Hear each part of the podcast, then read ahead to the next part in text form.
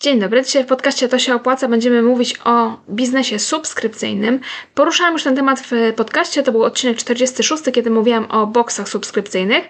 E, natomiast dzisiaj nie będę mówiła o boksach, nie o produktach fizycznych, ale o takich dobrach cyfrowych. Jak wygląda e, biznes od kuchni, biznes z subskrypcją dóbr cyfrowych? Czy to jest dobry pomysł na biznes, czy nie?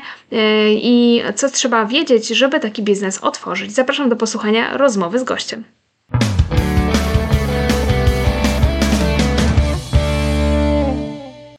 Jest dzisiaj ze mną Natalia Dołżycka, którą możecie znać z bloga livegeek.pl albo z podcastu Live Geek Show. E, Natalia specjalizuje się w tematyce przedsiębiorczości na swoim, wspiera przedsiębiorców w organizacji biznesu i jest też twórczynią pierwszego w Polsce wirtualnego coworkingu. Cześć Natalio, czy chcesz coś do, dodać do tego, co powiedziałam? Cześć, powiedziałaś wszystko, co trzeba pięknie, lepiej bym tego nie zrobiła, więc e, zdecydowanie tak właśnie jest. Dzień dobry. Zaprosiłam Natalię, bo chciałabym, żebyśmy porozmawiały sobie dzisiaj o pomyśle na biznes, jakim jest subskrypcja, e, powiedzmy, dóbr cyfrowych albo subskrypcja dóbr e, edukacyjnych, materiałów edukacyjnych. Czy ten pomysł na biznes w Polsce e, może się zadomowić na dłużej, czy też nie? Czym to się je? Jak się do tego zabrać? Do stworzenia, powiedzmy, takiej swojej platformy subskrypcyjnej z materiałami różnego typu? Jakie są plusy i minusy stworzenia takiego, takiej platformy, takiego modelu biznesowego? I na początek takie pytanie na rozgrzewkę. Powiedz mi, Natalia, ile ty subskrybujesz różnych usług? Albo jakie Ojej. subskrybujesz? Może tak będzie łatwiej. Myślałam o tym przed startem i niestety stwierdzam, że pewnie jest ich e, sporo. No zdecydowanie są to e, platformy subskrypcyjne związane z rozrywką, no bo to chyba jest takie najprostsze dla wszystkich. To znaczy na pewno Netflix, e, na pewno HBO, od wczoraj, od wczoraj HBO jest takie już w ogóle wypasione, więc, więc fajnie. Ja jeszcze znaczy, nie przy czym staram... bo już jest HBO Max, tak? Tak, tak, tak. Przy czym właśnie staram się, żeby nie było więcej niż e, dwie na raz. E, I tutaj mam taki system, to też tak podpowiadam od razu, że mam taki system, że mam jedną główną, na przykład Netflix ma subskrypcję cały czas, a tą drugą włączam i wyłączam w zależności od tego, czy są rzeczy, które chcę tam obejrzeć. Więc to są na pewno te platformy. E, jak zaczęłam sobie grzebać, bo wiedziałam, że mnie o to zapytasz, to, to, to rzeczywiście tego trochę jest, no bo e, subskrybuję przecież e, te mm, aplikacje Software as a Service, czyli SASy, czyli na przykład Canva. Canva przecież też jest subskrypcją, też dostęp do niej jest subskrypcją. E, dostęp do jakichś narzędzi, z których korzystam, nie wiem, narzędzie do zarządzania zadaniami, to wszystko są subskrypcje i e, nam się tak wydaje, że te subskrypcje właśnie to są e, w świecie cyfrowym to są głównie platformy edukacyjne, bo to ostatnio tak wybuchło, a przecież tego jest mhm. mnóstwo, mnóstwo. No tak, bo oprócz Netflixa, HBO i tych wszystkich streamingów filmów, mamy przecież streaming muzyki. E, pewnie o, każdy, o właśnie Spotify. Jak nie płaci to za Spotify, to chociaż taki darmowy z reklamami. E, mamy, no, ja mam na przykład YouTube'a Premium, bo już nie mogłam znieść tych reklam, które tam się w tym YouTubie pojawiają, więc płacę za YouTube'a. E, no mam też Legimi do czytania książek. Bez Legimi to sobie w ogóle nie wyobrażam czytania. O właśnie, ja też. Ja już teraz też, czyli cały dostęp do kultury u mnie jest subskrypcją, to w ogóle jest takie straszne dziwne, nie wiem, czy ty to zauważyłaś, że um, od kiedy się pojawiła tania subskrypcja kultury, to y, ma, mam wrażenie, że piractwa nie ma y, w Polsce i to jest aż takie dziwne, kiedy y, czegoś nie ma na, na którejś z tych platform. To kiedyś, dawno temu, no przyznajmy się wszyscy, dawno temu było tak, że po prostu gdzieś tam z Zatoki Piratów się tematy ściągało, nie? W dawnych, starych czasach. A teraz trochę jest tak, że jak czegoś nie ma na tej platformie y, związanej z kulturą, to się już tego po prostu nie ogląda, nie słucha, no bo nie ma, nie? Trochę nie wiadomo, Więc... jak to znaleźć, nie? No jakbyś chciała sobie jakieś stare filmy znaleźć i nie ma na żadnej platformie subskrypcyjnej, no to gdzie indziej to można znaleźć niby, nie? No tak właśnie. trochę nie, nie wiadomo. No dobra, ale oprócz tych platform subskrypcyjnych, takich właśnie z, z muzyką i takich powiedzmy stworzonych przez jakieś duże globalne firmy, Mamy jeszcze teraz coraz więcej takich małych platform, znaczy małych, no platform subskrypcyjnych tworzonych przez e, indywidualne, indywidualnych twórców, przez jakieś małe e, biznesy, powiedzmy polskie. I tutaj mam na myśli na przykład Klub Państwa Jego Czasu, e, Klan Finansowych Ninja, tworzony przez Michała Szafrańskiego. Mamy pracownię Kasi Ekes, klub, taką subskrypcję dla osób, które sprzedają rękodzieło. Co jeszcze Ci przychodzi do głowy? Bogusz Pękalski ma swoją subskrypcję związaną z mm, właśnie SAS-em, czyli z Software as a Service. Akademia SAS, SAS to się chyba nazywa. No i jest też trochę tych subskrypcji takich, e, które są subskrypcjami, a my nie do końca może jeszcze je kojarzymy, może też nie są aż takie medialne, czyli na przykład y, płatne newslettery subskrypcji. Ostatnio też jest jakiś boom na to, żeby tworzyć płatne newslettery, które też są subskrypcją. Y, y, na przykład newslettery, nie wiem, Mirka Burnejko, Bogusz też ma swój newsletter. Powoli się pojawiają, najczęściej w tej takiej przestrzeni bardzo biznesowej i to są najczęściej takie newslettery, które, znaczy najlepiej sobie radzą, ja bym tak powiedziała, bo gdzieś tam sobie na ten temat patrzyłam trochę, najlepiej sobie radzą te newslettery, które są tworzone naprawdę przez ekspertów, czyli na przykład są, nie pamiętam jak się nazywa, wiem, że jest taki e, newsletter z poradami inwestycyjnymi, nie? I e, można sobie spokojnie, i nie mówię o nowym projekcie Michała Szafrańskiego i e, Maćka Niserowicza, tylko o takim zupełnie płatnym newsletterze, który się skupia na E, na, na właśnie poradach inwestycyjnych, e, więc e, to też jest subskrypcja, nie? I to taka w tym takim najprostszym wydaniu, czyli tam nie ma żadnej społeczności, nie ma ekspertów, tylko są maile wysyłane z tygodnia na tydzień z jakimiś konkretnymi informacjami, więc to na pewno jest to. Jeżeli chodzi o takie, takie związane z biznesem, to mamy jeszcze legalną strefę biznesu Ilony Przytacznik. O, tak takie bardziej no, z, z, związane z prawem tematy. I mamy jeszcze Founders Michała Bąka. E, o, to prawda. Subskrypcje tych dla e, no, founders, czyli założycieli powiedzmy biznesu, właścicieli biznesu. Mhm. Jest przecież e, ta mm, subskrypcja, subskrypcja na przykład babeczki, nie pamiętam jak ona się nazywa, Balance Dog, czyli Dogflix, czyli Netflix dla właścicieli psów, właśnie z poradami z, dotyczącymi wychowania psa i Parentflix przecież czyli też Magdaleny takie... Komsty, tak. O właśnie, Magdaleny Komsty, e, czyli też taki e, Netflix właśnie z materiałami dotyczącymi wychowania dzieci. Trochę tego jest. Jeszcze mamy e, ko, kobiecą kooperatywę rozwojową Zuzy Skrzyńskiej. O, to, to też jakiś czas temu była chyba pierwsza edycja, teraz będzie gdzieś tam, jak sprawdzałam, druga. Także faktycznie mhm. trochę tego jest i, no i taka jest rozbieżność dużo tematów, nie? Bo są takie ogólnorozwojowe, powiedzmy klub państwa jego czasu, różne ścieżki tematyczne, no ale już Parentflix to mamy taką bardzo wąską tematykę tego. E, no i oczywiście jest twój wirtualny e, coworking i, i powiem ci tak, bo e, zanim powiemy o tym, czym ten wirtualny coworking jest, to ja powiem ci, że jak usłyszałam pierwszy raz tą, od ciebie o tym pomyśle, to trochę tego jakby nie skumałam, bo coworking mi się kojarzy z wynajęciem biurka, i z tym, że ja muszę wyjść z domu, bo ja to po to robię, żeby wyjść z domu i żeby sobie popracować gdzieś poza domem. I teraz jak mam wirtualny coworking, to jakby co mi z tego zostaje, z tego wyjścia z domu. Więc jakbyś mogła przybliżyć tą ideę wirtualnego coworkingu, co to jest i tutaj e, o, o co w tym chodzi? E, to ja bym chciała jeszcze, zanim powiem dokładnie, czym jest coworking, e, wirtualny coworking, chciałam też powiedzieć o bo, bo, tego jeszcze nie poruszyłyśmy, a pewnie jeszcze nam y, wskoczy gdzieś w temacie, o takim rodzaju mm, platform subskrypcyjnych, albo nawet nie platform subskrypcyjnych, tylko płatnych społeczności, którego w Polsce jeszcze tak do końca nie mam. Wydaje mi się, że to najbardziej raczkuje. A y, co było inspiracją dla mnie do stworzenia właśnie wirtualnego coworkingu? czyli właśnie płatne społeczności online.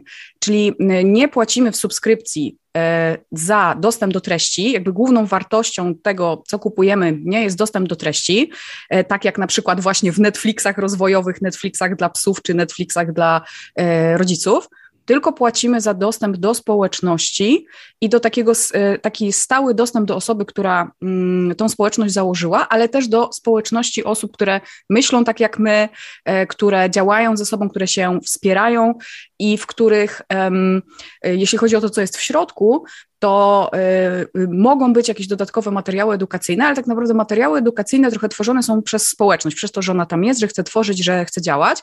Y, takich platform na świecie jest już sporo i one najczęściej są platformami tematycznymi, to znaczy przedsiębiorcy się spotykają, biznesy online się spotykają, multipotencjaliści się spotykają, czy takie osoby, które mają mnóstwo pomysłów i tak dalej, i tak dalej.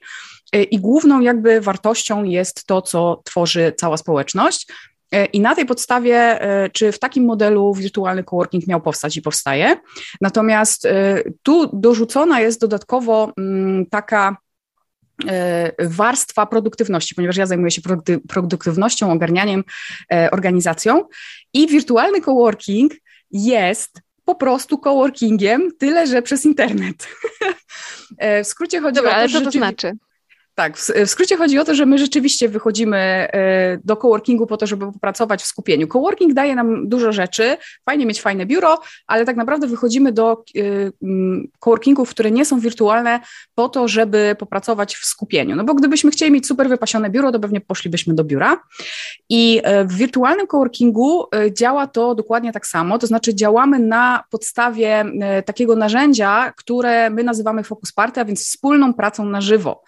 Wspólna praca na żywo to taka praca, w której spotykamy się e, na specjalnej platformie, która też jest platformą do dyskusji e, i tam umawiamy się na tak zwane sesje skupienia, czyli taką skupioną pracę razem. I ta skupiona praca razem wygląda bardzo prosto. Spotykamy się tak, jak my teraz się widzimy, nagrywamy na Zoomie z Agnieszką. E, widzimy się na tym narzędziu w kilka osób, maksymalnie 10 Każda z, każda z tych osób deklaruje, co będzie robić przez godzinę, bo najczęściej to są takie krótkie sesje, no bo z tym naszym skupieniem jest tak, że powinniśmy pracować w bardzo intensywnie w krótkich e, odcinkach czasu, a nie cały czas próbować się skupić, bo to nie działa. E, I następnie wyłączamy mikrofony, zostawiamy włączone kamery i pracujemy ze sobą, jakby widząc pozostały nasz zespół e, po drugiej stronie. E, I jakkolwiek nie brzmiałoby to surrealistycznie, to jest absolutnie e, metoda, która przefantastycznie działa. E, dlatego, że to nie jest jakby temat, to nie jest jakby podcast o tym, jak działa takie, taka wspólna praca na żywo, czy taki wspólny fokus, ale w skrócie chodzi o to, że uwalnia nam się tutaj bardzo dużo mechanizmów, też mechanizmów biologicznych, które sprawiają, że po pierwsze, jak ktoś na nas patrzy, to znaczy te osoby nie do końca na nas patrzą, ale pracują też w skupieniu i widzimy je, to jest nam trudniej e, czy mm, mniej komfortowo na przykład e, zacząć scrollować e, internety, zacząć patrzeć na komórkę i jakby rozpraszać się, więc to skupienie jest większe. Z drugiej strony mamy takie poczucie właśnie bycia w wirtualnym biurze. To jest szczególnie ważne dla osób, które pracują samotnie w domu, samodzielnie w domu i trochę jest im już trudno cały czas siedzieć mm, i pracować samodzielnie, więc taka, e, taka, taki widok też osoby, która e, pracuje, a to jest taki bardzo szczególny widok, no bo osoba, która jest bardzo zaangażowana w swoją pracę, wygląda na bardzo skupioną, e, też dodaje trochę otuchy. Z trzeciej strony mamy takie zobowiązanie, to znaczy po pierwsze umawiamy się, że będziemy razem ze sobą pracować, przychodzimy na konkretną godzinę, mówimy, co będziemy robić, więc jakby z całej burzy rzeczy, które mogłabym zrobić, muszę wybrać jedną i muszę się skupić na niej przez godzinę. E, no i dodatkowo właśnie mamy to wsparcie e, w tym, że wiemy, że nie jesteśmy sami, wiemy, że pracują z nami osoby, które mają bardzo podobne problemy jak my, bo w wirtualnym coworkingu skupiamy przede wszystkim e, osoby, które pracują zdalnie, freelancerów i biznesy online, więc my wszyscy mierzymy się z tymi samymi, z tymi samymi rzeczami. I oprócz tej właśnie wspólnej pracy na żywo, która trwa cały czas i jest takim podstawowym narzędziem w wirtualnym coworkingu, no jeszcze dodatkowo mamy mnóstwo innych innych aktywności, które właśnie e, skupione są na tym, żeby tą społeczność tworzyć, żeby tworzyć taką grupę osób, która pracuje ze sobą w sensie właśnie takich wirtualnych fokus party czy, czy pracy na żywo, ale też pracuje ze sobą, ponieważ te osoby ze sobą współpracują, zlecają sobie zadania, tworzą razem projekty, mogą wspierać się e, i pomagać sobie, pomagać e, wiedzą w mm, jakichś merytorycznych sprawach, ale też mogą e, wspierać się i pomagać po prostu, kiedy, kiedy jest potrzeba, kiedy ktoś ma gorszy dzień. No szczególnie teraz, w tej naszej takiej bardzo popapranej sytuacji na świecie, to jest szczególnie ważne. No i tak właśnie wygląda wirtualny coworking. Jeszcze tylko dopytam o te focus party. Czy one są o jakiejś godzinie e, określonej, czy one na przykład, nie wiem, jak wymyślę sobie, że wolę pracować wieczorem, to też kogoś znajdę? Tak, e, są, e, są zarówno oficjalne, czyli takie, w których e, jestem ja i one są wpisane w harmonogram coworkingu, właśnie po to, żeby każdy wiedział, że można przyjść na takiego fokusa i popracować i na pewno ktoś będzie. One są dwa razy w tygodniu. Natomiast my pracujemy na takiej platformie, która nazywa się Discord i Discord umożliwia wejście do pokoju bez umawiania się. Znaczy mamy gotowe pokoje, które czekają i można tam po prostu wejść i zacząć pracować, czyli trochę inaczej niż na Zoomie. Na Zoomie trzeba założyć link, założyć spotkanie i tak dalej.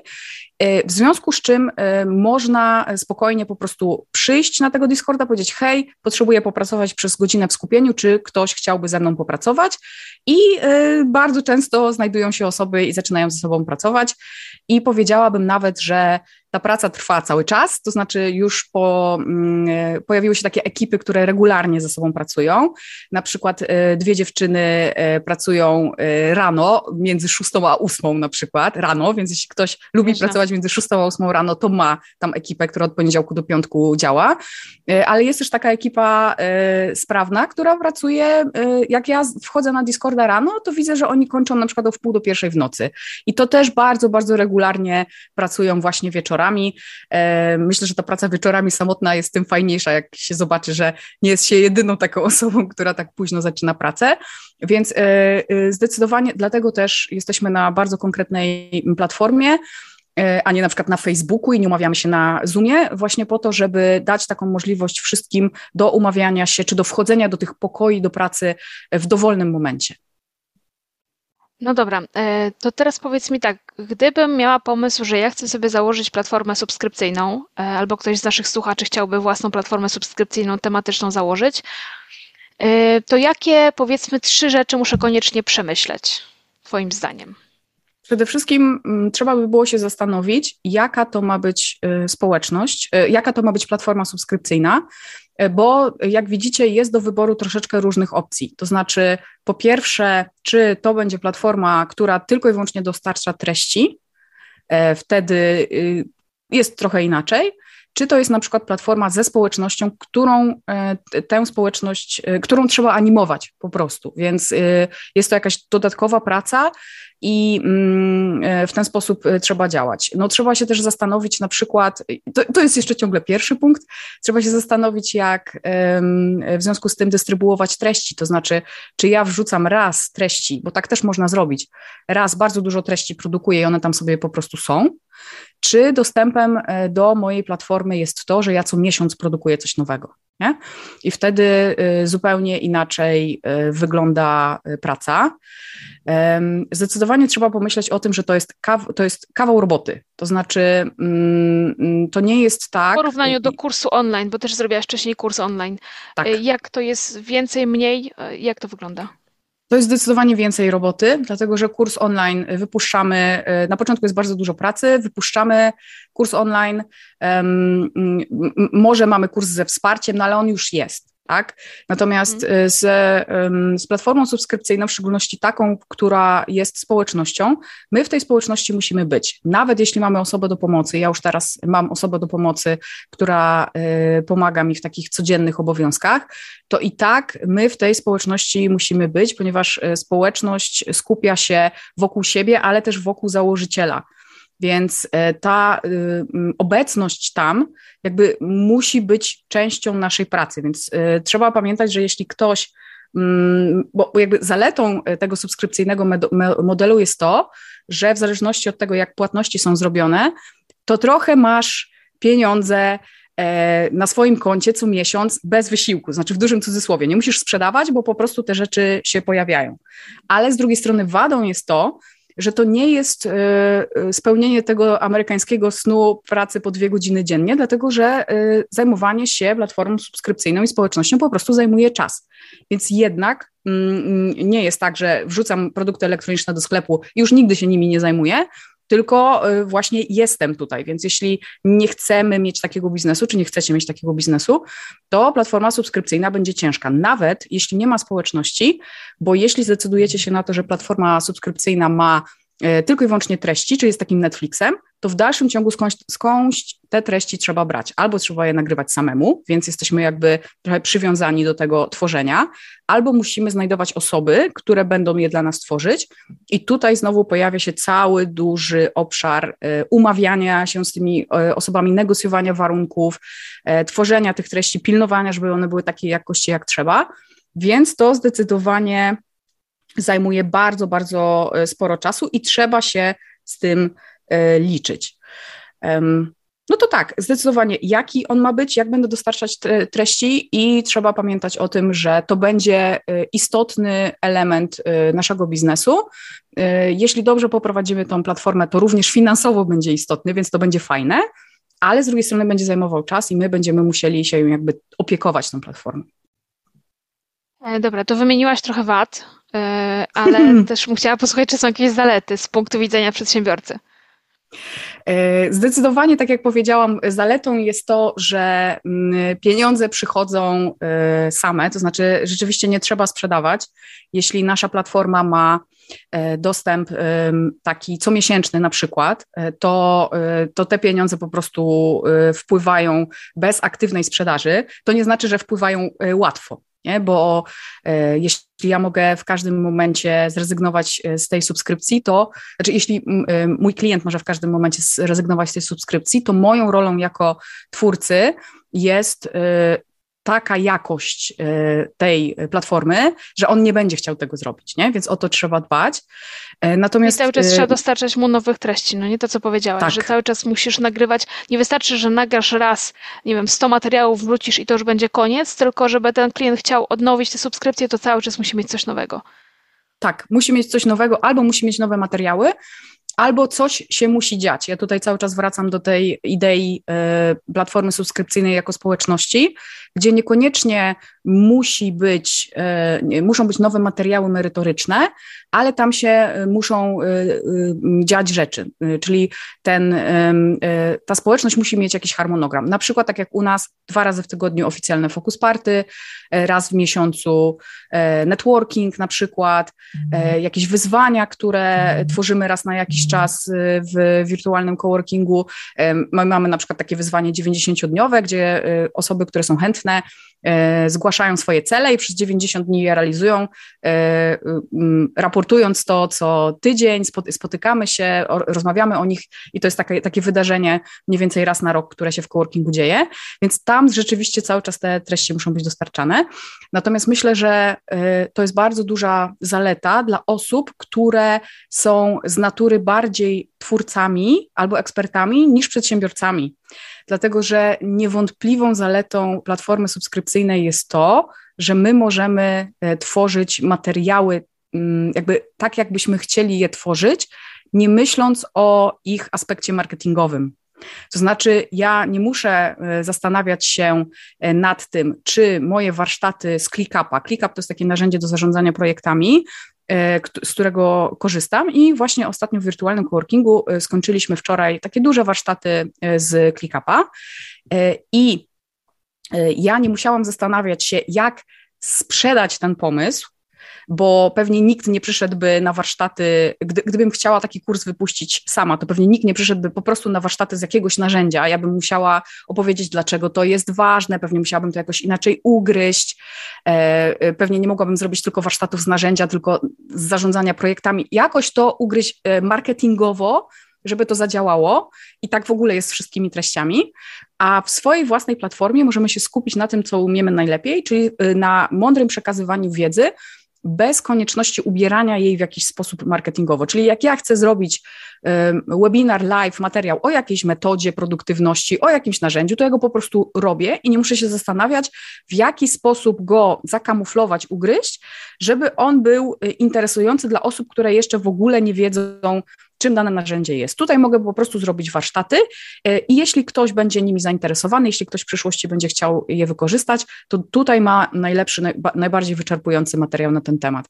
I y, mm, to się zresztą potwierdza, bo za granicą pojawia się bardzo dużo takich membershipów czy platform subskrypcyjnych, które są bardzo, bardzo niszowe. To znaczy, ja już widziałam nawet membership dla hodowców orchidei, Dlatego, że w środku masz po prostu... duży to jest rynek, nie? Swoją drogą, hodowcy orchidei.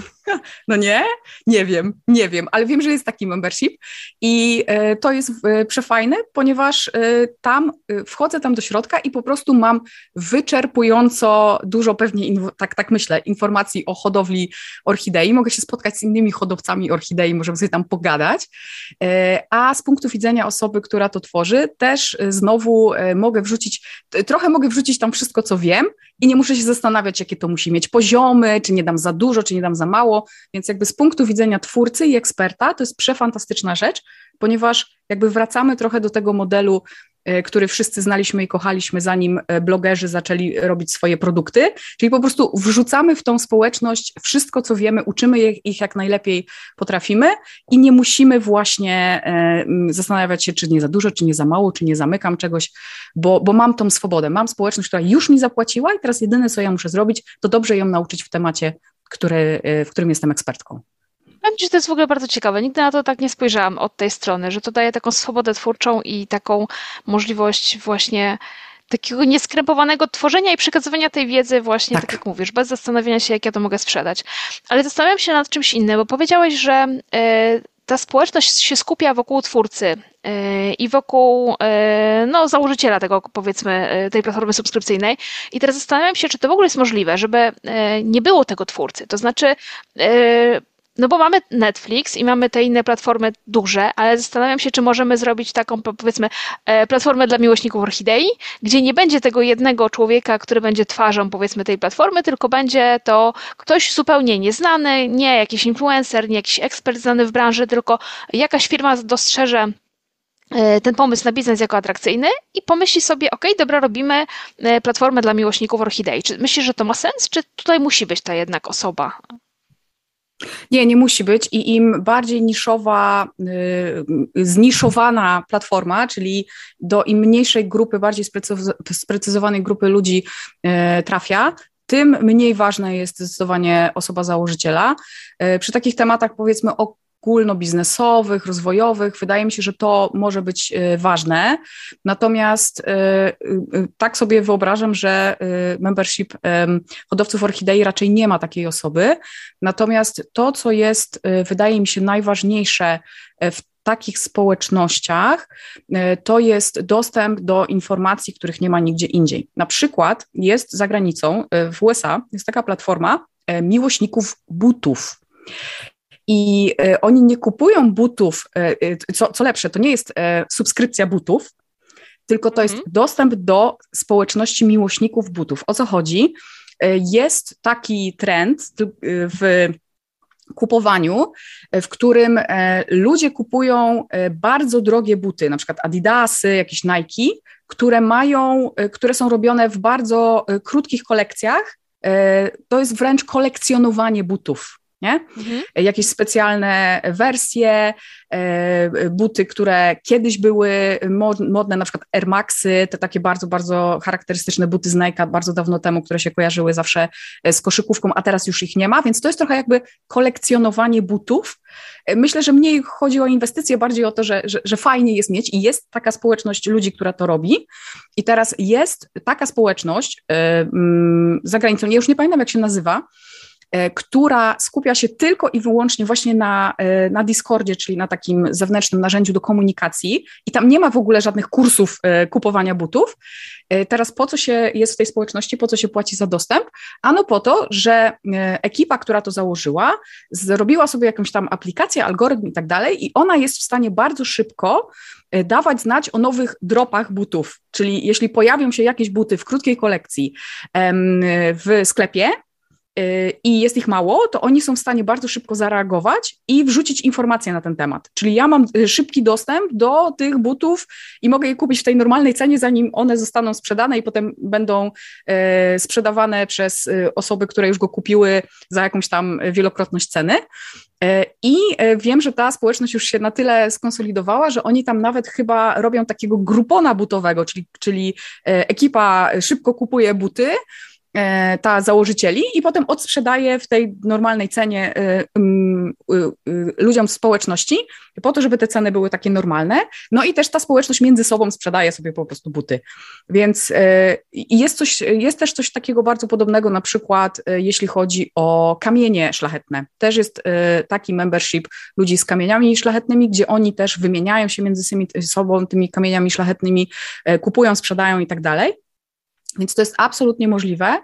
Natomiast najlepiej, jeśli to jest właśnie taka naprawdę nisza w niszy, czyli jeśli ktoś ze słuchaczy jest ekspertem, ekspertką albo jest w społeczności takiej bardzo konkretnej, bardzo zniszowanej, to im, im, im ta nisza będzie mniejsza i bardziej konkretna, tym większa, mm, większą wartością dla osoby, która chce kupić ten dostęp, będzie sam dostęp do społeczności, no bo skoro na świecie jest nas, nie wiem, tysiąc osób, no to fajnie by było być w jednym miejscu, a dużo mniejszą, du, dużo mniej ważne będzie mm, jakieś dodatkowe materiały, czy osoba, która tą społeczność założyła. Chociaż w sumie to można jakby e, dwutorowo iść, bo można sprzedawać dostęp do społeczności i tu będzie kluczem ta społeczność, że ona jest taka bardzo mała i niszowa, ale możesz mieć też jakieś e, bardzo zakulisowe informacje na jakiś temat.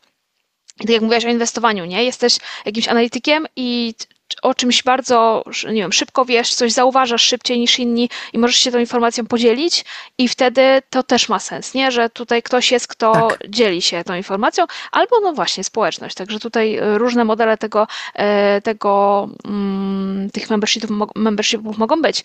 Ale e, na czym ja się jeszcze zastanawiam, bo pisałam kiedyś taki artykuł o boksach subskrypcyjnych i w 2014 roku na blogu to się opłaca, taki artykuł się pojawił. No i tam mm, mówiłam, że fajna, jest to fajna inicjatywa, że te boksy subskrypcyjne się e, w Stanach już pojawiają, jest ich dużo i u nas też się pojawiają i tam pamiętam wymieniałam osiem tych boksów subskrypcyjnych i sprawdzałam to jeszcze nawet dzisiaj rano. Z tych ośmiu działa do, do dziś jeden. E, siedem zostało zamkniętych. I zastanawiam się, czy to nie jest tak, że jednak jak coś jest w Stanach, które, no nie oszukujmy się, ludności jest tam znacznie więcej, e, potencjalne grupy odbiorców są znacznie większe, coś działa w Stanach i jest, w Stanach możesz sobie zebrać społeczność 3000 miłośników orchidei i będzie luz i sobie na tym zarobisz. I czy nie jest e, jakby, czy takie wąskie nisze nie podzielą e, losu tych pudełek subskrypcyjnych, bo pudełka subskrypcyjne w Polsce się nie przyjęły. Było różnych bardzo wiele prób, bo ja to też od lat obserwuję.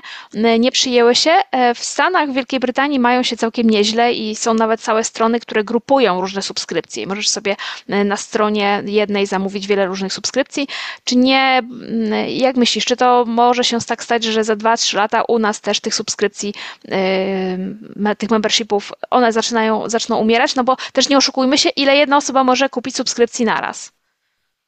To zdecydowanie, to będzie problem y, jak, jak z wszystkim. Ten problem już pojawia się właśnie z subskrypcją kultury. Nie? Już pojawiają się takie na przykład informacje, że fajnie by było mieć na przykład jedną niższą subskrypcję i w ramach jej dostęp na przykład do, do, do trzech platform z filmami. Oczywiście te platformy nigdy się ze sobą nie dogadają, bo przecież nie o to chodzi, ale my jako konsumenci chcielibyśmy mieć e, coś takiego. Um, na pewno będzie problem, to znaczy na pewno teraz jest czas, żeby mm, trochę zaistnieć y, i y, no bo wiadomo, jak ktoś wyda pieniądze u mnie, to jest mniejsza szansa, szansa, że wyda u kogoś innego. Natomiast y, co ja widzę za granicą i co myślę, że będzie tematem też u nas, te subskrypcje będą tanieć, to znaczy będzie mm, dużo więcej, wydaje mi się, nastawienia na to, żeby było dużo osób w takiej subskrypcji, jakakolwiek by ona nie była. Skala, a nie, a nie tak. duża kwota naraz. Tak, po to, żeby ta kwota zupełnie nas nie bolała e, w portfelu. No bo jeśli subskrypcja a tak jest za granicą, subskrypcja miesięczna kosztuje 29 dolarów albo 39 dolarów i ja praktycznie tego nie widzę. Mam jeszcze podpiętą kartę, to jest ważne, więc ja praktycznie nie widzę tej subskrypcji jakby w swoich wydatkach, no bo co to jest 29 y, zł na przykład u nas, czy 39 zł, a mam na przykład, dzięki temu, że tam jest dużo osób, e, mam, to, to w szczególności właśnie w tych subskrypcjach, które nie są wiedzowe, mam dostęp do ludzi, którzy myślą tak jak ja. Mam takie forum internetowe, bo my trochę wracamy do tego tematu forów internetowych e, i tam rzeczywiście znajdę bardzo konkretne odpowiedzi na bardzo konkretne pytania. Jeszcze zaprzyjaźnię się z kimś, to też jest ważne i ta, e, ta, ten cały dostęp kosztuje mnie naprawdę mniej niż, nie wiem, książka biznesowa jedna czy, czy pizza, to, to, to to może być e, taki kierunek, w którym e, te membershipy będą szły. Wydaje mi się, że kierunek, e, tak czuję, że kierunek ten, w którym zawsze szły kursy online, czyli my cały czas podwyższamy cenę z edycji na edycję, e, bo jest tam coraz więcej wiedzy, tutaj nie będzie działał. To znaczy, to będzie dokładnie to, co powiedziałaś, że w pewnym momencie ktoś sobie pomyśli, czy ja na pewno chcę wydać aż tak dużo pieniędzy za dostęp do materiałów, e, których nigdy nie przerobię, więc wydaje mi się, że raczej będziemy iść właśnie w tym kierunku, żeby było nas, żeby w tych społecznościach było osób więcej, e, ale żeby ten dostęp był tani. I być może wtedy rzeczywiście to będzie działać, no bo fajne jest to w biznesach chyba subskrypcyjnych, że tych online'owych, że my już jesteśmy do tego przyzwyczajeni, nie?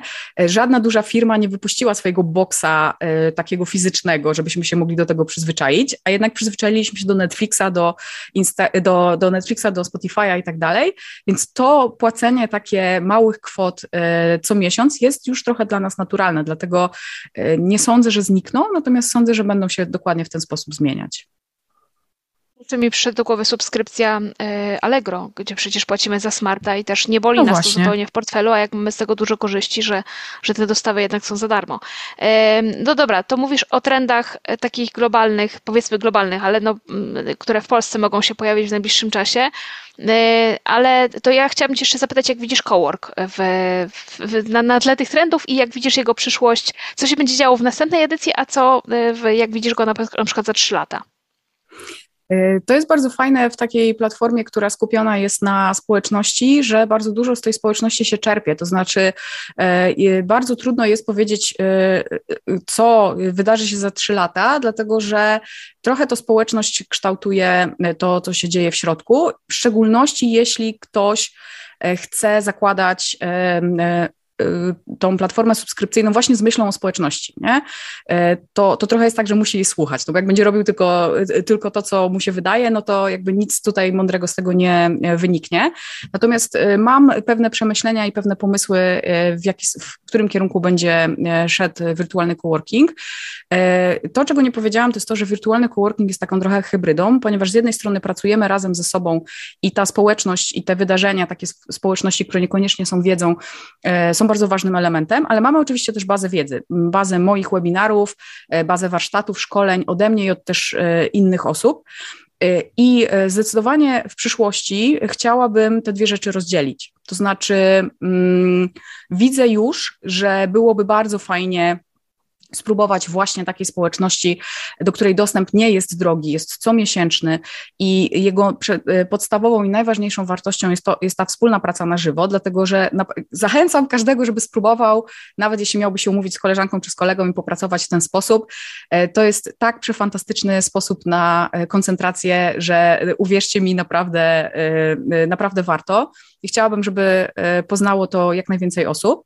I z tym wiąże się też e, pomysł na to, żeby e, wchodząc do coworkingu naprawdę mieć e, takie wsparcie i być, mieć niekoniecznie wrażenie, ale też, żeby czuć, że jest się częścią jakiejś internetowej społeczności, która się wspiera. Społeczności przede wszystkim właśnie freelancerów i twórców online, biznesów online, bo to jest jakby mi najbliższe.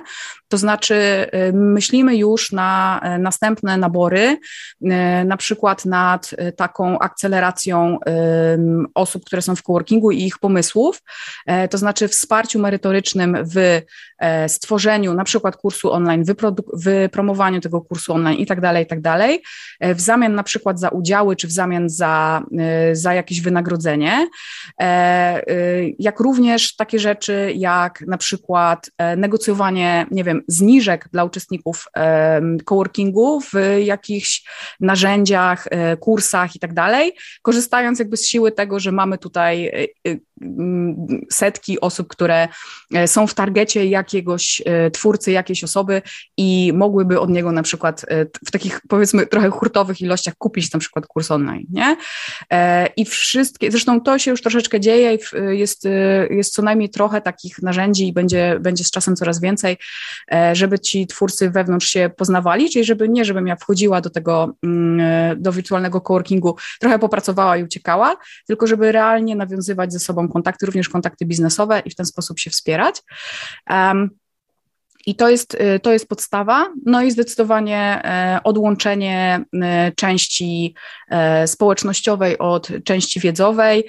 Tu jeszcze plany są, plany, planów i pomysłów jest trochę, ale na pewno będzie można dołączyć do coworkingu w ten sposób za jakiś czas, jeszcze nie w tej edycji, ale myślę, że już jesiennej będzie można dołączyć bez tej części wiedzowej, jeśli ktoś jej nie potrzebuje i w ten sposób jakby korzystać z tej najważniejszej funkcjonalności, czyli wspólnej pracy na żywo, e, bez, e, bez takich wydatków, które być może są większe, bo Do tej pory dostęp do coworkingu i w tej edycji również tak będzie, jest dostępem, e, dostępem niemiesięcznym, natomiast pracujemy już nad tym, żeby e, ten element takiego e, społecznościowego, żeby ten element społecznościowy był dostępny w subskrypcji miesiąc w miesiąc i żeby był taki, na który każdy sobie może pozwolić. Znaczy, teraz też tak jest, ale właśnie, żeby dążyć do tego, co powiedziałam wcześniej, czyli do takiej opłaty, która absolutnie znika w budżecie, a to, co za nią dostajemy, jest taką naprawdę bardzo realną y, pomocą w pracy w skupieniu. To, co powiedziałeś o tej pracy takiej wspólnej, że to motywuje, to mi się od razu przypomniało, jak mój mąż mi zawsze mówi, że e, jak ja pracuję, bo on pracuje w drugim pokoju, to on nie może skończyć wcześniej, bo widzi, że ja pracuję i mu jest tak głupio no skończyć, więc też sobie wynajduje kolejne rzeczy do zrobienia.